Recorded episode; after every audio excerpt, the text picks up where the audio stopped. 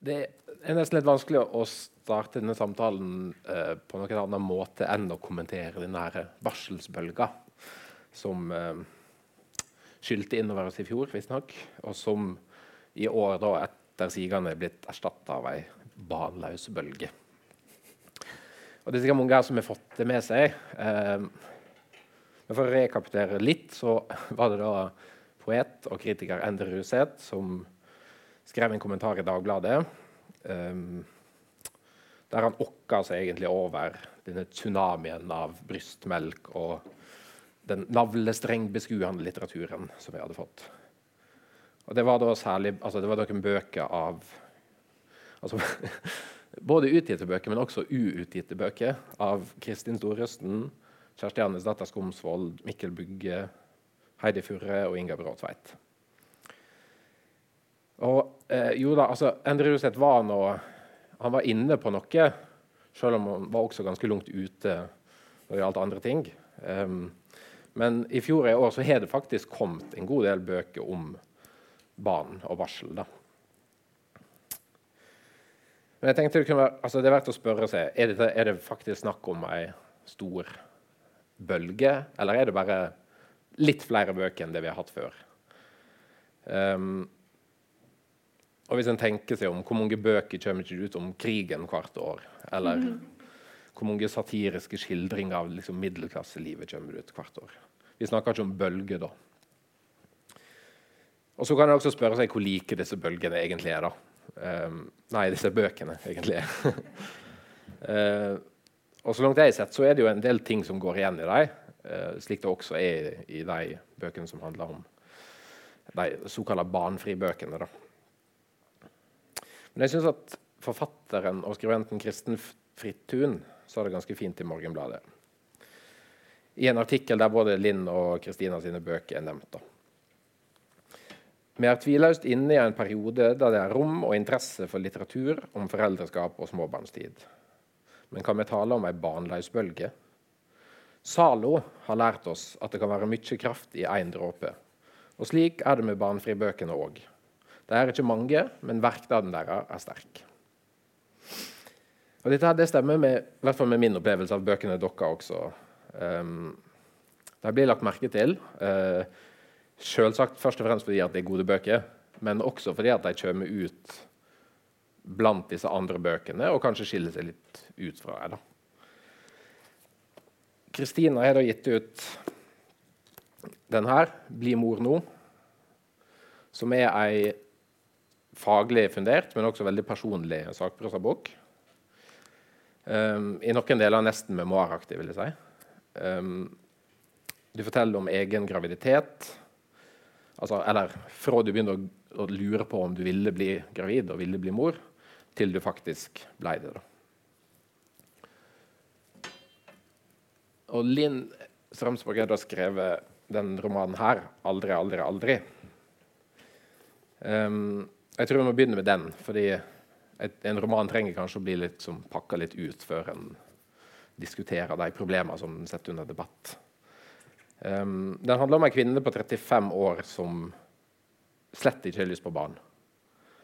Vil du kanskje bare si litt om hva situasjonen hun er i, hvem denne hovedpersonen er? Um, ja, hva romanen handler om? Ja, uh, det kan jeg prøve på. Jeg pleier alltid å spørre sånn Hører alle meg? Men det er så dumt spørsmål, for de som ikke hører, svarer jo ikke. men jeg håper at noen liksom sier det. Det ser ut som de hører. Ja. Um, ja, bra. Uh, ja, jeg skrev en bok uh, om en 35 år gammel hovedperson som ikke vil ha barn. Uh, det er egentlig så gøy. Den kan liksom oppsummeres egentlig i den ene der. Men uh, um, hun er jo midt, midt, i liksom der man kanskje det, det, begynner å bli på høy tid å skaffe seg barn hvis det er det man vil. Uh, og det, det, mener i hvert fall omverdenen. og da må man jo liksom Hun har jo egentlig allerede tatt stilling til det ved at hun har aldri ønska seg barn. Men, men nå blir hun, hun, blir på en måte påkrevd svar da, mm. fra folk rundt seg. Og så, um, når vi møter henne i romanen, så har hun vært sammen med samboeren sin i åtte år. Uh, de er enige om at ikke de vil ha barn, og har det veldig fint. Um, og så viser det seg jo Altså, det skjer noe som kan skje den beste. Man våkner en morgen og vil noe annet. Så Philip, som han heter, uh, vil kanskje bli pappa likevel, da. Uh, mens det fortsatt er lov å ombestemme seg. Mm. Og da må man jo kanskje gå Eller altså hun må da gå en runde til på om hun egentlig vil. Så skjer det jo også litt sånn ytre ting. Altså deres beste venner blir gravide. Um, og de er på en måte de siste igjen uh, i vennegjengen som liksom ikke Ja. har fått Eller ja. Vi skal eh, komme mer inn på dette, men vil du kanskje lese litt først? For det, er det greit å lese det som er jeg fant frem til? Absolutt. For det er liksom fra der hun eh, eh, tar den praten med Philip da, Ja. første gang. Spennende. skal vi se, Da skal jeg lese den teksten der, rett og slett. Skal vi se Oi.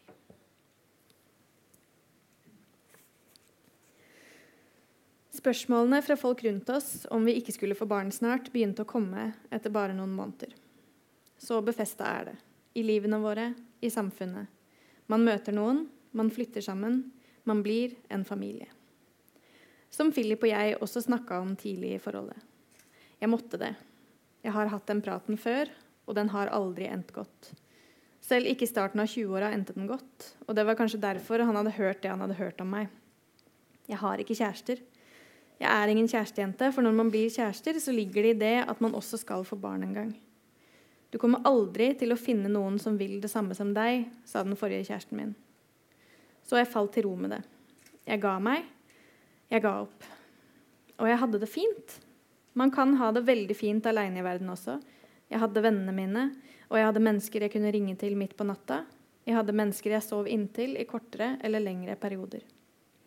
Så møtte jeg Philip. Jeg husker at jeg forsøkte å skyve det lenger og lenger fram i tid. At jeg ikke ville vi skulle komme til det punktet som jeg hadde nådd så fort så mange ganger før.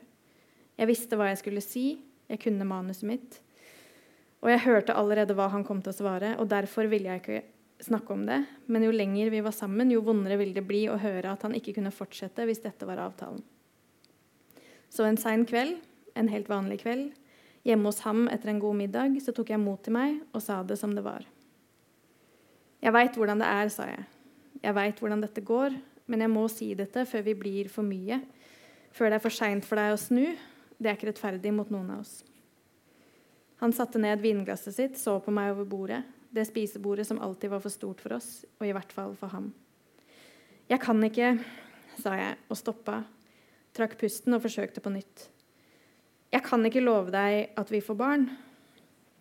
Han sa ikke noe. Jeg vil ikke ha barn, og jeg kan ikke love deg at jeg kommer til å ombestemme meg.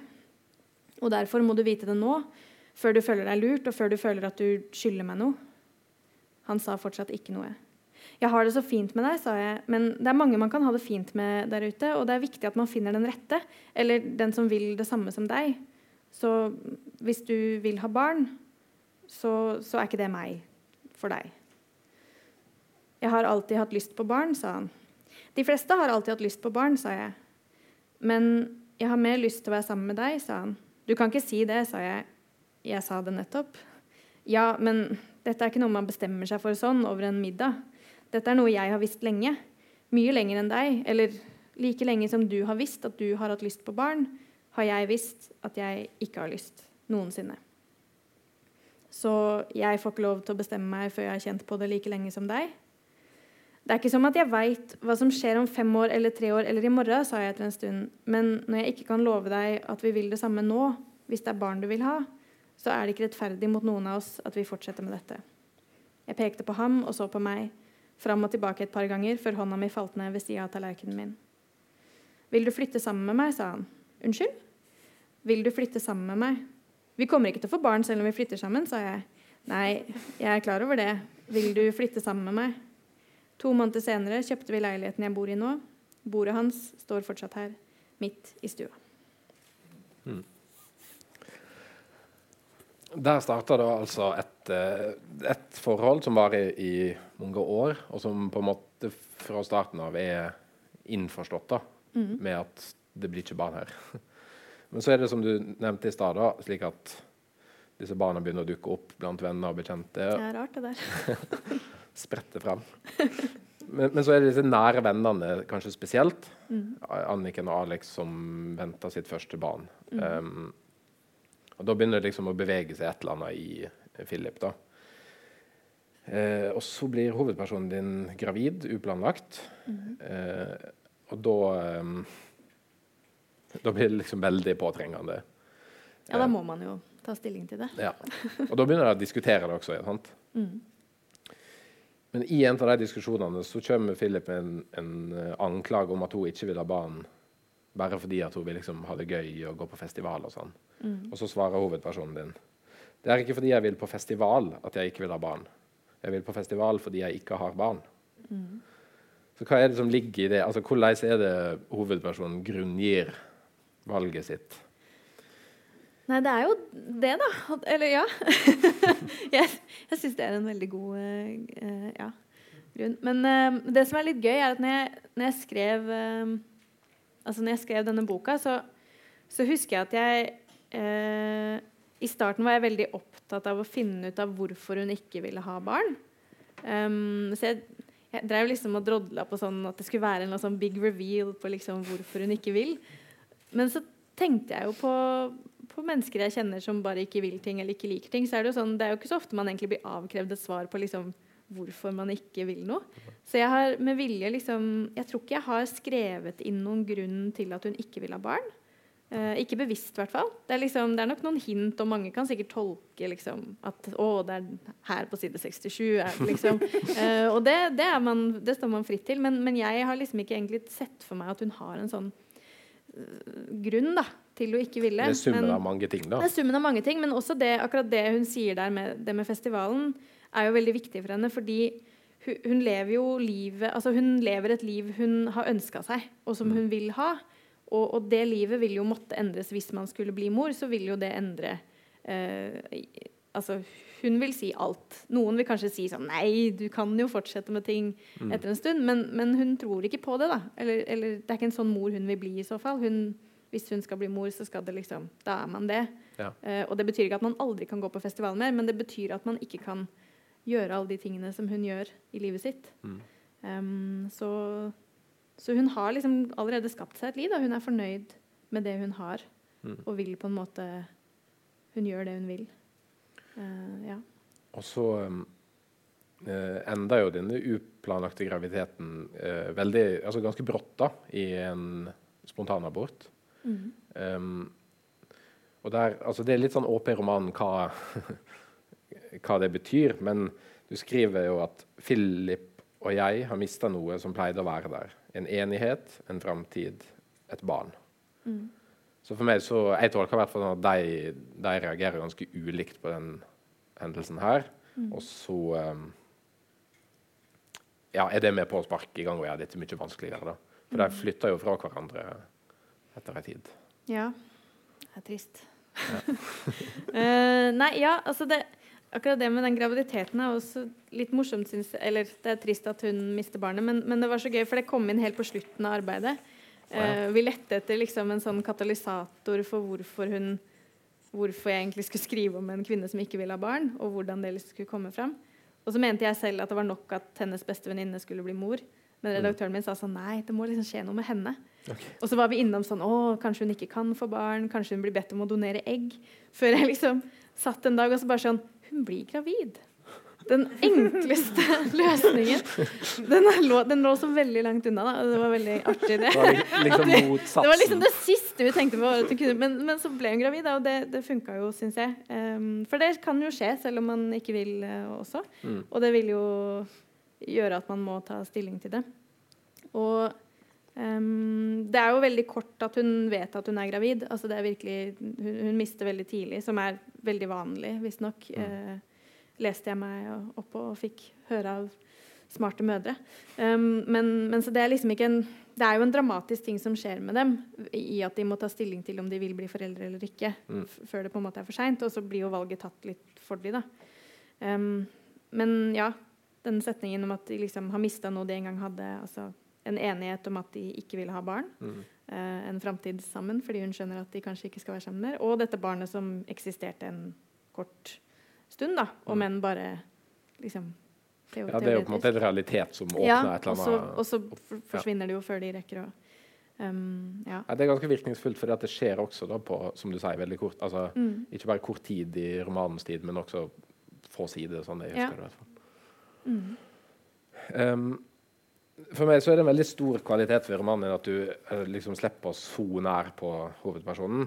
Um, noen har jo sagt at den er essayistisk. Jeg vet ikke om jeg er helt enig i det, men den er i hvert fall altså den er tenkende. da. Mm. Du er veldig nær på denne eh, altså på grublinga og på frustrasjonen over alle forventningene som, eh, som samfunnet møter henne med. Um, og så en ting til da, som jeg tenker på. i hvert fall. Du, leseren får liksom forstå at hun har forståelse og respekt for de som vil ha barn, Mm. uh, og at hun også um, har omsorg for dette barnet da, etter hvert som blir født. Mm. For der er, ja, Vennene får et barn som heter Ella, og der er noen scener der hovedpersonen din er alene med henne, uh, som, som blir veldig lada. Fordi at, kanskje fordi at hun er barnet med stor B i romanen, og hun inkarnerer liksom alt det som hun går og tenker på eller ikke tenker på, osv. Um, men et av argumentene hennes er jo, er jo knyttet til det at hun er redd for å for å angre da, på å ha fått Mm. barn. Kan du si litt om det? Altså, Hun er ikke redd for å angre på å ikke få barn. Ja, hun er mer redd for å angre på barnet. Ja. Ja. Um, akkurat det er jo um, Altså, jeg har jo skrevet en roman, og mye av det er henta fra ting jeg selv tenker, og så er andre ting bare ren fiksjon. Men akkurat det med å angre på å få barn, det er noe jeg selv kjenner på det er det, det, Jeg tror det er det jeg er mest redd for også. Okay. Fordi at altså Å angre på noe man liksom ikke gjør, det går bare utover deg selv. Men, men det å få barn er ikke noe du liksom kan gjøre, og så kan du si sånn Ja, nå har jeg prøvd det litt. Det funka ikke så bra. Eh, har du lyst til å overta, liksom? Eh, fordi det er, jo, det er jo et menneske her. Ja. Um, og, og det Jeg tenker at det kanskje er et av liksom de største tabuene. Um, men jeg vet jo også at det, fi, det finnes jo kvinner som har fortalt i både intervjuer og, og i essays og sånn om at de nett, nettopp angrer på at de har fått barn. Men det betyr jo ikke at de elsker barnet sitt noe mindre.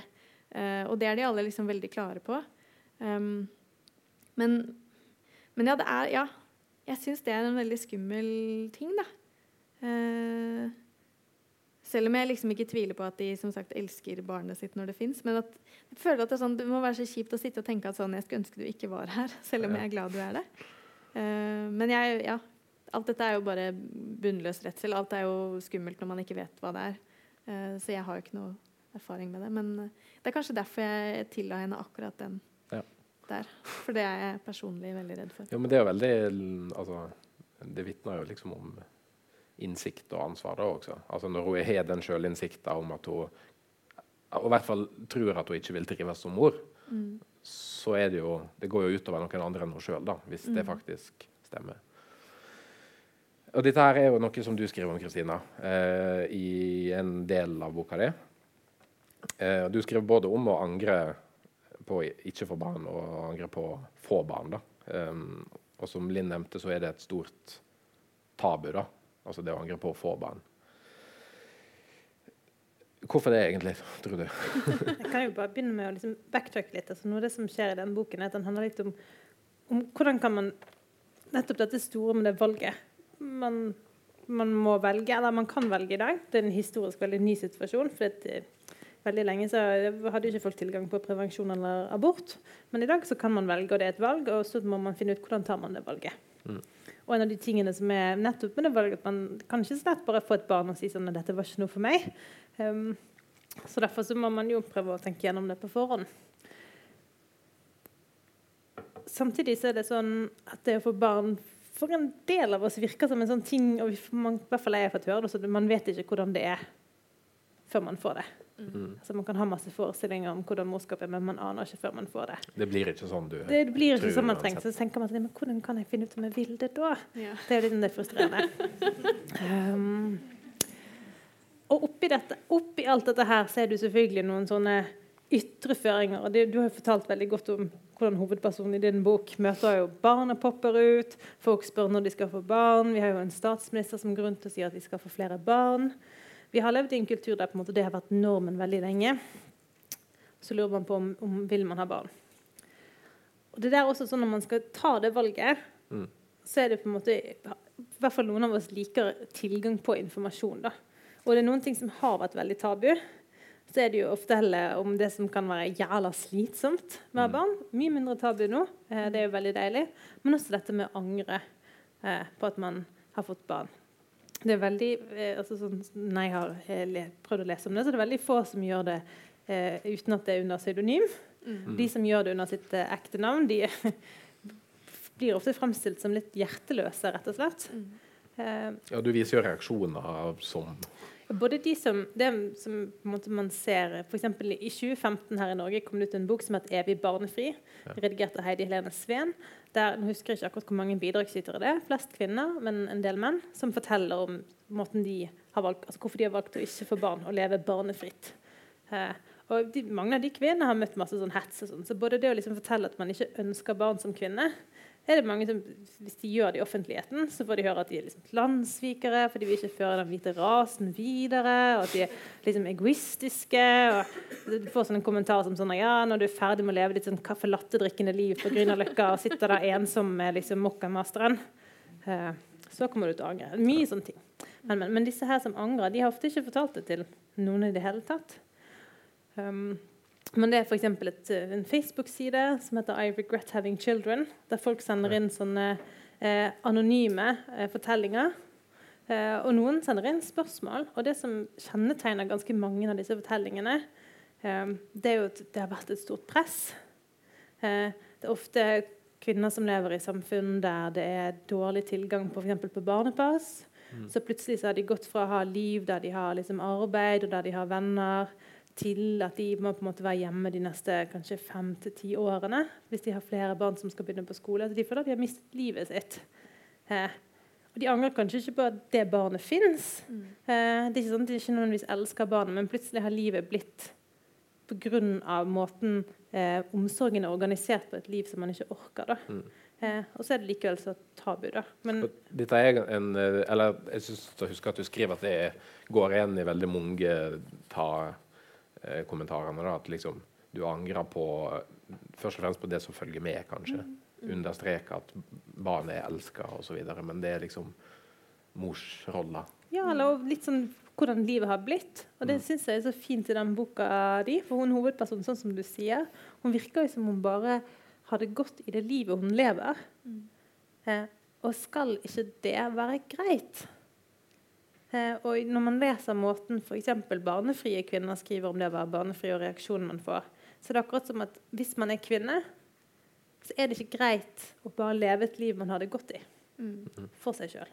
Eh, det er liksom underliggende sånn som eh, Ikke de fleste mener jo ikke det, men, men mange mener nok En slags forventning som ja, at liksom sånn, «Å, ja, men eh, skal ikke foreldrene dine få bli besteforeldre? Mm. Så at mange av disse kvinnene forteller om svigermødre og, og, og, alle mulige mennesker som mener at man, man skylder noen sin egen familie, sin mann, enten han vil ha barn eller ei. Altså, det er også en sånn ting. Altså, menn blir ikke konfrontert like mye med disse spørsmålene.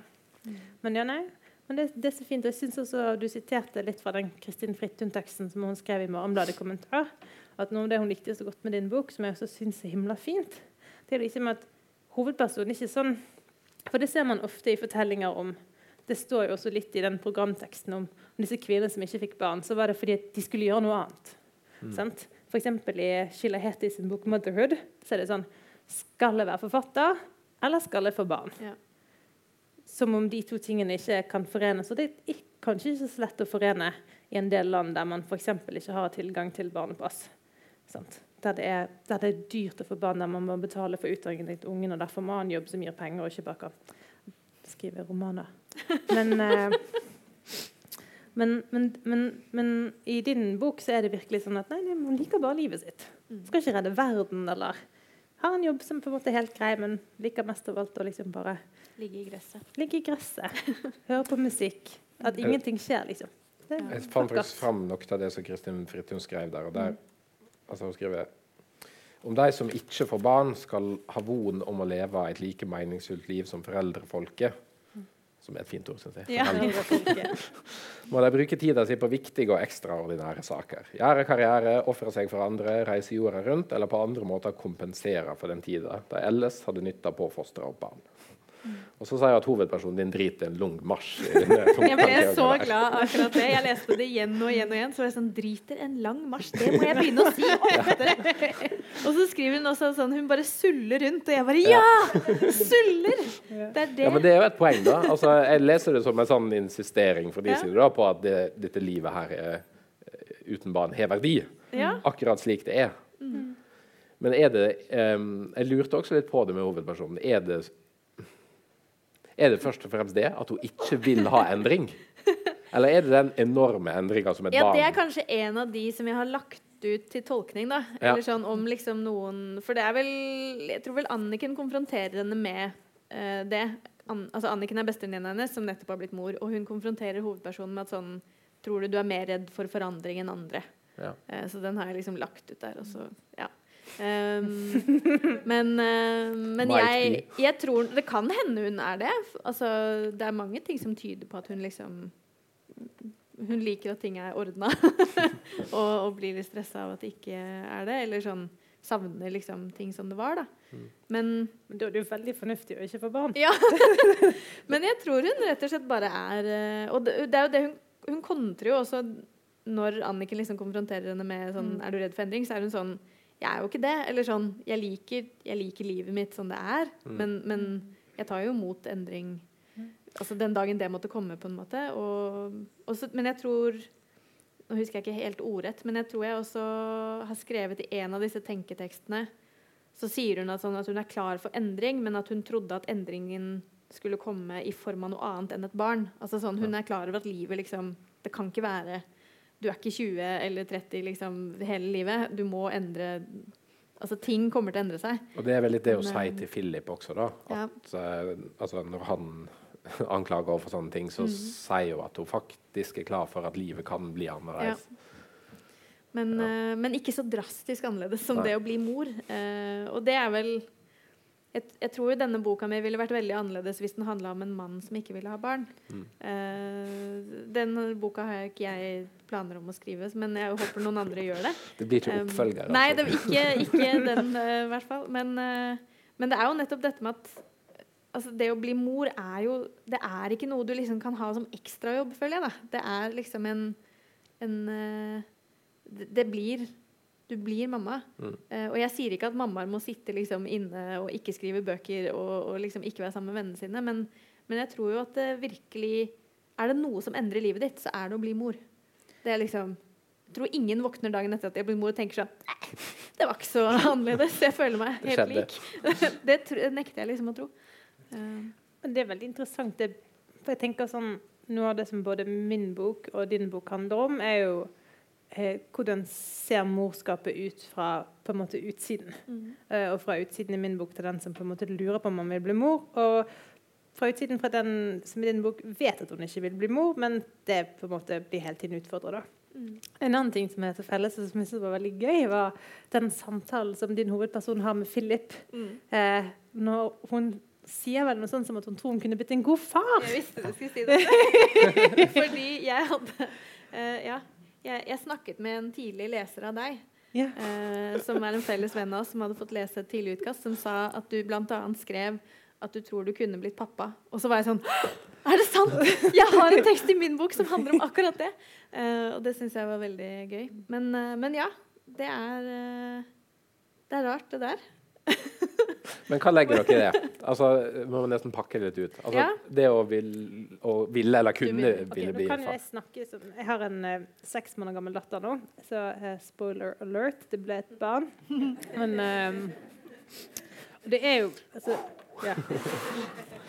La det synke inn. Uh, nei, men uh, altså for det første så har du hele den graviditeten. Den skal man jo ikke kimse av. Eh, og jeg tror det er veldig sånn, I samfunnet så ser vi jo veldig tydelig når folk er i tredje trimester, når de er sånn store og vagger rundt som sånne hvaler, og føttene er oppblåste som sånne gassballonger. og i Det hele tatt. Det er mye rart som skjer.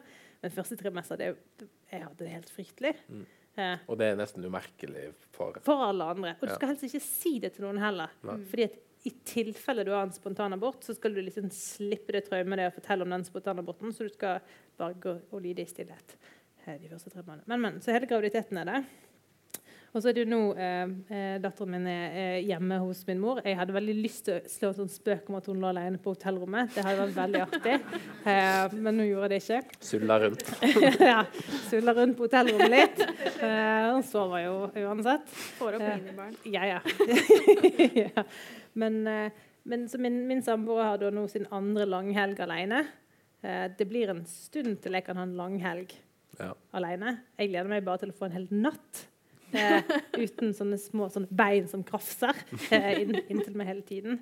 Nei, men det er jo noe annet. Altså sånn kroppslig og den nære omsorgen. Og også sånn, men på grunn av altså for eksempel deling av permisjon. Jeg er jo veldig glad for denne tredelte løsningen. Men for eksempel jeg som har vært midlertidig ansatt, jeg har ikke noen jobb å gå tilbake igjen til.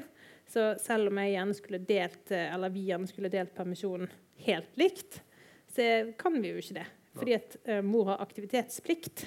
Så um, da tar jeg hele felleskvoten uh, så godt som. Uh, og så tar han liksom kvoten. Så det er, liksom, det er også noen samfunnsmessige ting som jeg skriver en del om i, i, i boken min, Mm. som handler om de mer sånn politiske og økonomiske aspektene av dette. Men kan jeg, altså for der har du Du skriver jo om noen ja, feministiske pionerer. da. Mm. Eh, Katja Anka Møller og Simone de Beauvoir.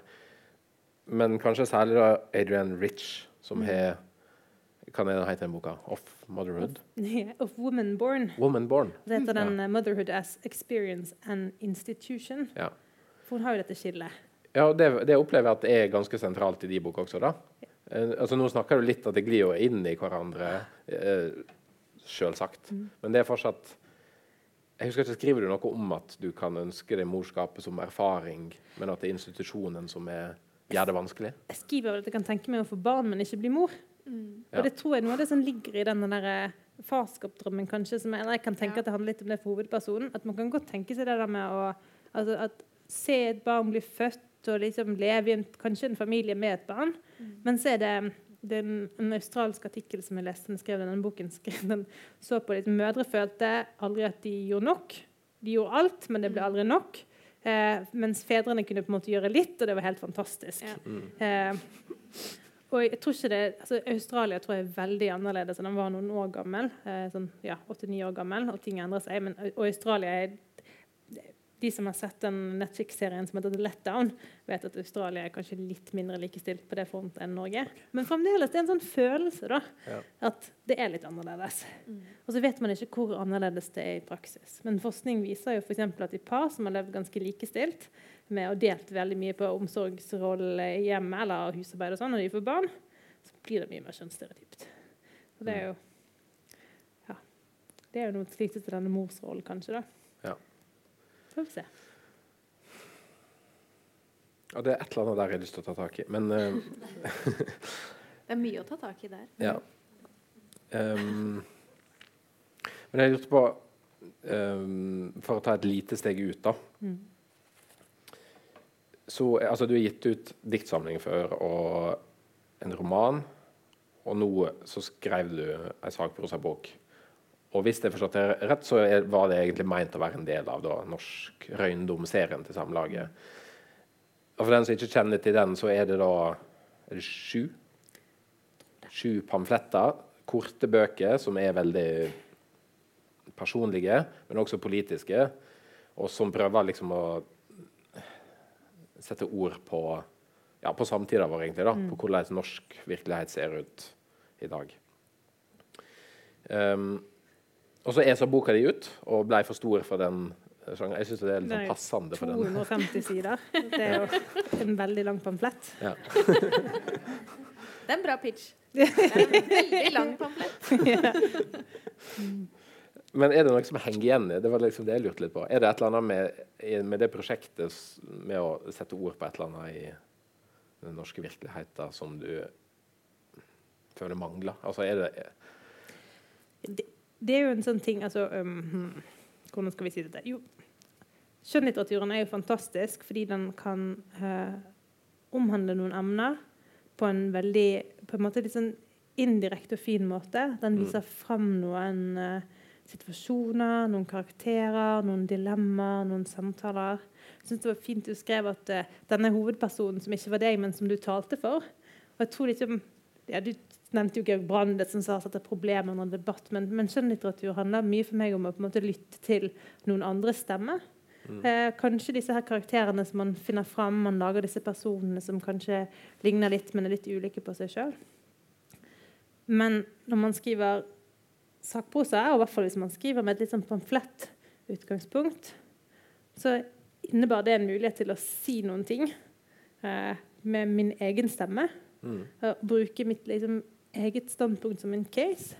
Og jeg tror jo det er, og det er også sånn den tilbakemeldingen jeg har fått, det er mange som altså, Kanskje ikke så mange som ligner på meg sånn på, på alle måter, men på mange måter så er, det, er vi ganske mange som er eh, i en alder og i en tid og et samfunn der vi lurer på om vi skal ha barn, der vi lurer på hvis vi vil ha barn, når vi skal få barn.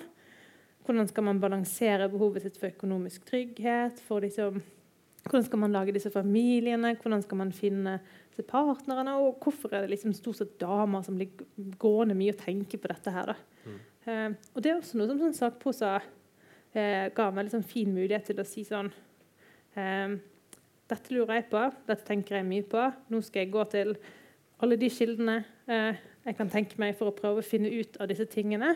Mm. Eh, så kan liksom du som leser være med på den reisen eh, og se hvordan jeg kommer fram til noe. Så kan du tenke litt på hva du vil komme fram til sjøl, hvis du har lyst til det. Ja. Mm. Men, men, altså, du føler eh, at, sånn, at, det, at sakprosaen din gjør det lettere for deg å komme ut der? da? Altså, Du snakker om kilden og kunne dra inn alt det her.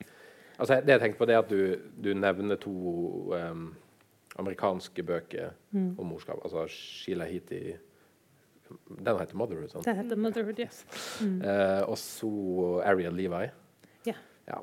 Det er jo interessant, fordi at, altså, nå er det jo sånn Jeg vet ikke hvor interessert alle er i dette, men vi er jo vi lever på en tid der det både i USA og mer og mer i Norge en sånn stor sjanger som kalles for litterær ikke-fiksjon.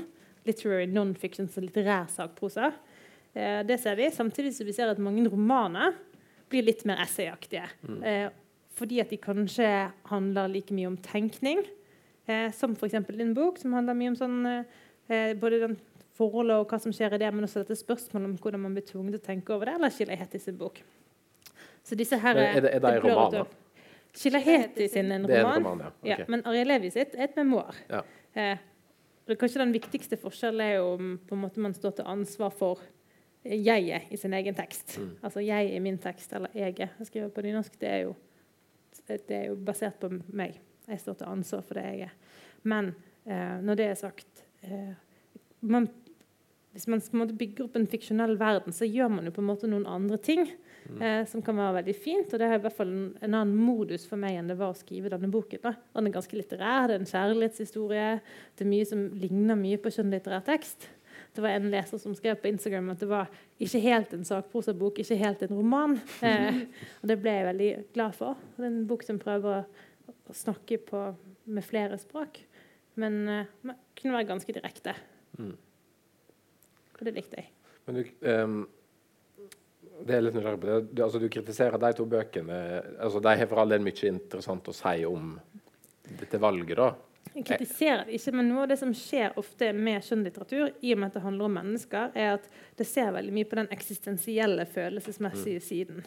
Men f.eks. i Sheila Hetis 'Motherhood', der det er et sånt spørsmål skal jeg bli kunstner eller skal jeg bli mor, så har ikke den romanen nødvendigvis rommet i seg til å tenke men hvorfor er det sånn valget mitt ser ut i dag? Mm.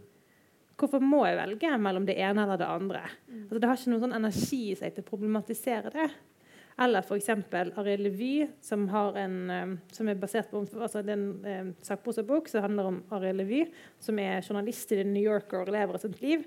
Og som beskriver også sånn at hun, hun trodde hun kunne på en måte leve, gjøre livet, gjøre alt. Og så plutselig en dag så oppdaget hun at det var noen grenser for friheten hennes. Mm. Fordi hun var i ferd med å miste muligheten til å få barn.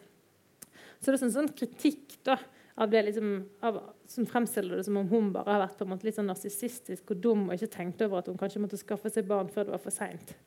Men så i hennes virkelighet så er det også det at hun er lesbisk, bor i et uh, Amerika der man må betale for IVF sjøl, altså befruktning.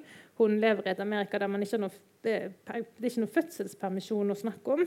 Så hun må liksom ha penger til å ta, ta seg fri Mm. inntil det året, og det er vanskelig å få liksom. Så, så tenkte, når jeg leste de bøkene, tenker jeg sånn, men hvorfor er det ikke noe Hvorfor bebreider dere dere bare dere sjøl? Ja, for dette her er i bøkene, men, men det blir liksom ikke helt Det, er- det er ingen agg utover. Det er liksom ingen spørsmålstegn om samfunnet må være sånn. Det er bare en sånn derre selvgranskning og litt sånn ofte sånn selvbebreidning for å ikke ha tatt bedre valg. Og Det er noe av det som frustrerer meg, at vi ofte kan liksom bli gående og bli stilt til veggs.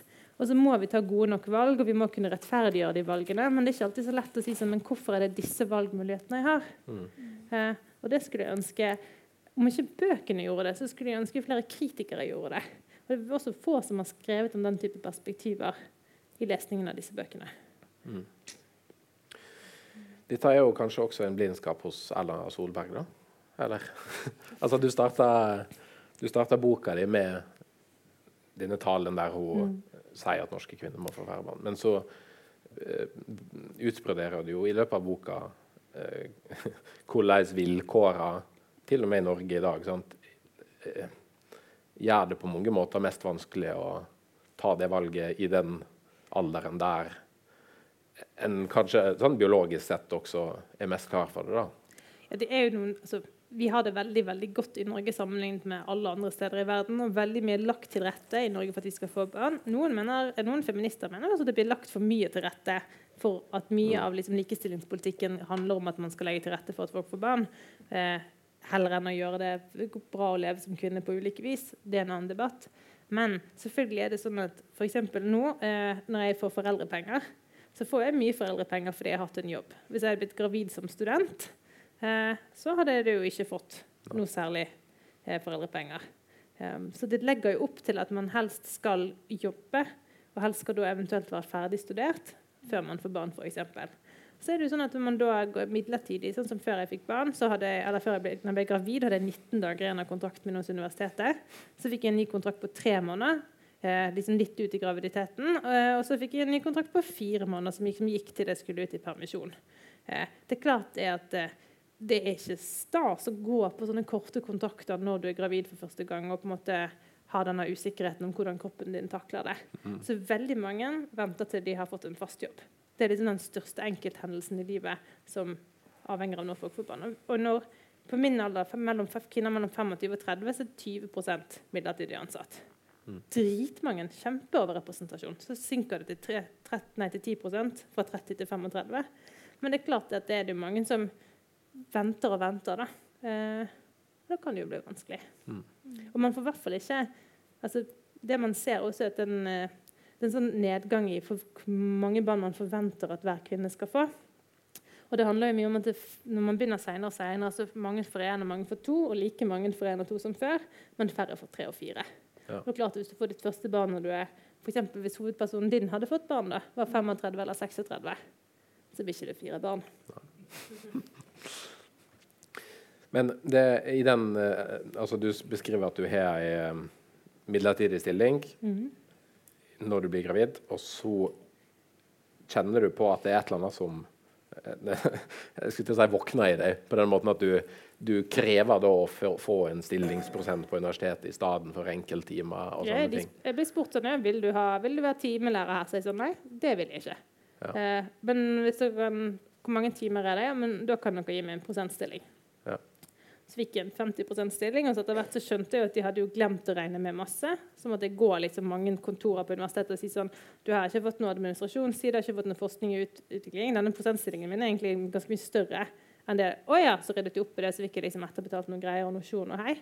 Eh, og sånn er det liksom mye man må på et eller annet tidspunkt bli litt tøff, da. Og det beskriver også Heidi Furre veldig godt i den veldig fine boken som heter 'Dyret'. Eh, som er en kort, fin, eh, liten bok som alle burde lese. Men dette at man må Man må bli så tøff som man burde ha vært før. Eh, forhandle om lønn, f.eks. Det gjorde jeg for første gang etter jeg ble gravid. Så sånn Hei, hei, denne første lektorstillingen. Hvor mye hadde dere egentlig tenkt at den skulle betale? så gikk jeg opp Du føler at du snakker på noen vegne av noen andre også, da? Og så tenkte jeg sånn Jeg vet ikke, jeg vet ikke hvor lenge jeg skal ha denne jobben, og dere gjør det lettest for dere og vanskeligst for meg, så da må jeg i hvert fall få betalt for det. Ja. jeg, føler du, eh, jeg vil bare skyte inn at jeg føler du her beskriver eh, de tingene jeg personlig syns eh, er tøft med mødre. Eller jeg har en sånn Jeg, jeg syns mødre er kule. Og eh, en av tingene er at jeg føler at de blir sånn eh, overmennesker, holdt jeg på å si. Da. Eller sånn, det er jo ikke overmenneskelig å be om mer lønn, det burde alle gjøre. Men, men at du liksom Du ville ikke gjort det før du ble gravid, men når du blir gravid, så er det sånn OK, men da gjør jeg det. Uh, og det Ja. Det, det, Perfekt eksempel på uh, kule mødre. vi må bare kokkelere ut noen andre gode grunner som passer alle damer Mm. eh, i hele verden til å be om mer lønn. For damer ber ikke om mer lønn, og derfor tjener vi mindre. Ja. Blant annet. Eh, du nevnte at, eh, altså at lesningene da, kanskje er et problem med eh, altså Like mye som bøkene til Sheila Hitty og eh, Ariel Levy, så er det på en måte lesningene av dem som Jeg liker de bøkene veldig godt. Ja, Eh, men jeg kjenner meg veldig igjen Mm. i dette. At eh, jeg har lest bøker i denne såkalte barselsbølga Mm. som, som jeg liker veldig godt, og som jeg eh, kanskje likevel har liksom, savna et eller annet Ja, som du sa, da, at agget blir retta utover på en eller annen måte. da. Og så går en jo tilbake og, og ser litt på hvordan en har lest ting da første Mm. gangen. Og du nevnte Heidi Fure sin 'Dyret'. sant? Den er jo det, det er en ganske kort roman som er veldig eh, kroppslig, eksistensiell, veldig nær, hverdagslig på mange måter. Og når jeg leste den første gangen, så er det på en måte det som griper meg. da. Og så blir jeg kanskje litt sånn blind for alt det som handler om arbeidslivet. sant? Hun er jo Men den er jo veldig, det er en veldig på mange måter politisk roman. handler om en eh, ganske ung kvinne som har to bachelorgrader. Den ene er i kunsthistorie, jeg husker ikke hva den andre er. Eh, og så jobber hun midlertidig som eh, kantinemedarbeider. Eh, sammen med en ung mann som jobber som vaktmester. Eh, og så blir, blir hun gravid. da. Eh, og så beskriver hun veldig godt dette arbeidet på denne kantinen, der hun er på en måte innleid, og hun prøver å søke seg andre ting som er tryggere, og hvordan hun etter hvert liksom får kara seg en plass. Eh, eh, uten å spoile for mye, så tror jeg kanskje det er den mest positive metoo-romanen eh, som, eh, som er skrevet. Um, happy ending på det Jeg er glad du sa det, så jeg ikke men, eh, men det som altså skjer i den romanen, at den første delen er jo veldig, den handler mye om disse mer som politiske aspektene, og så blir det mer kropp ettersom på en måte kroppen også blir mer utover i Mm. graviditeten. da. Um, men den syns jeg, den synes jeg skilte seg veldig ut. Ja. Men så er det jo det at noen ganger skulle jeg ønske at det var Jeg syns det er så viktig at kunsten skal få lov til å være politisk eller ikke-politisk på de premissene den sjøl vil. Og så tenker jeg at vi som leser bøker eller ser filmer som skildrer ting som er viktig for oss som samfunn, vi har liksom det ansvaret for å si hva er det det viser oss, hva kan vi lære av det, eller hva kan vi bruke det til. Mm. Um, jeg vil liksom ikke gi skjønnlitteraturen ansvaret. Ofte så ser man det sånn Hvorfor har ikke skjønnlitterær, hvorfor har ikke forfatterne noen løsninger på klimakrisen? eh, så tenker jeg sånn, Det er vel noen andre sin jobb. Så du tenker det bør være arbeidsdeling, rett og slett? Ja. Både Du er jo kritiker. Det er jo ditt jobb. Eh, men Linn, disse barselsbøkene og barneløsbøkene Jeg er litt sånn nysgjerrig på hvordan boka di oppsto. Nå begynner vi å nærme oss slutten, så vi skal ikke liksom gå så veldig langt inn i det. Men eh, er dette noe du har vært bevisst på når du skrev boka di? Dine Um, bølger, eller er det liksom Ja, eller altså jeg begynte jo på den før uh, tsunamien av brystmelk uh, feide innover landet vårt. Og jeg, det første jeg tenkte da, var faen, jeg rekker jo ikke å gjøre ferdig den boka til det. så da rakk jeg ikke den bølgen. Uh, og så kom Jeg husker uh, Sheila Heti sin 'Motherhood' kom liksom når jeg var midt inni. Og da tenkte jeg sånn Nei, nå har hun skrevet min bok! Dette skjer alltid! Det skjer aldri. Så jeg leste den boka, og så var jeg sånn eh, Det er jo ikke min bok, så det går bra. Eh, og det er en veldig flott bok. Anbefaler alle å lese den. Um, ja. Men eh, nei, så det, altså bølgen var jo liksom i gang mens jeg drev og knota med min Mm. bok, da. Eh, og så utkom jo min endelig. Eh, og jeg var ikke klar over at det var en bølge i år også. Uh, men så fikk jeg vite at både Kristina sin bok skulle komme, og da var jeg først sånn Nei! Men så sa de sakprosa, så var jeg sånn huh, OK, det går bra. Det er bare Og plass til ei ja, bok, altså. Ja, ja. Og så sa de sånn Marie og Bær kommer med en bok med lignende tema, og da sa jeg nei! Uh, men heldigvis så har det gått bra. for, jeg, for jeg føler liksom litt at jeg, jeg har i hvert fall en veldig positiv opplevelse av å være med på en bølge. Ja. Eh, fordi den har jo egentlig bare ført til at vi alle står på surfebrettene våre. Og det går bra, da. Vi løfter liksom hverandre fram. Eh, jeg har aldri blitt bedt om å være med på så mange arrangementer jeg, som med Kristina og Marie og Bære. Det er kjempestas. Eh, jeg tror ingen hadde hatt lyst til å bare sitte og snakke med meg om dette. Så, så ja, det, jeg, jeg var redd for bølgen, men alt gikk bra. Du kom deg opp på den. Jeg kom oppå, jeg står fortsatt på surfebrettet, får vi se hvor lenge det varer. Fikk et sånt bilde av at de som sto på hvert vårt surfebrett Ja, ja. og sånn holdt hender. Ja. Sånn, Jeg har en katt bakfor mitt. Men lesningene, da? Altså, er du, syns du altså, Mottakelsen av boka di den var veldig eller Åpenbart den var prega av den bølga, men Ja. føler du at det er at det er noe som er gått utover over det romanmessige ved romanen din? Eller Nei, altså Nei, jeg tror ikke det. Det har vært veldig få som egentlig har Altså Noen har liksom nevnt andre bøker, men, men de har fokusert mest på liksom oppgaven sin. Holdt jeg på å si, og, Ja. og si noe om min bok, om den var bra eller dårlig, eller om den gjorde det de håpa. Um, men noe av det mest overraskende var vel i Aftenposten så ble Silje Bekeng Flemmen sin 'Velkommen til dyrehagen' og min uh, stilt opp mot hverandre. Og akkurat det syns jeg var veldig gøy, fordi da jeg leste den selv, anbefales også veldig varmt, så tenkte jeg at det var Anniken sin roman. Ja. Eh, altså min, min hovedperson, da. Ja. Eh, og, og at, ja, for hun skriver om en som ikke ville ha barn, men som blir mor.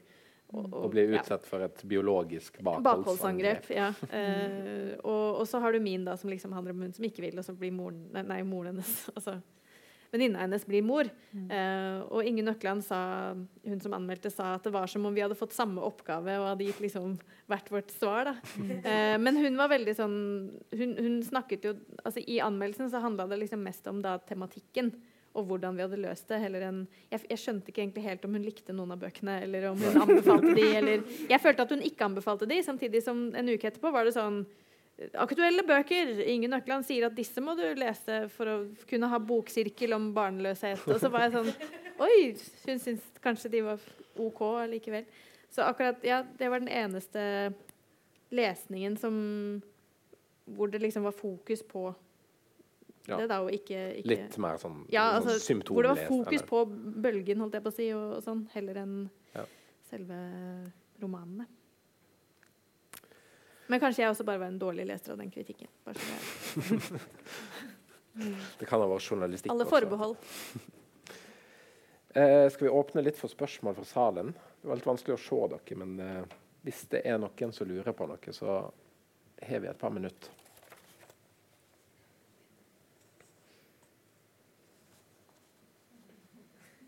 Ingen? Nei.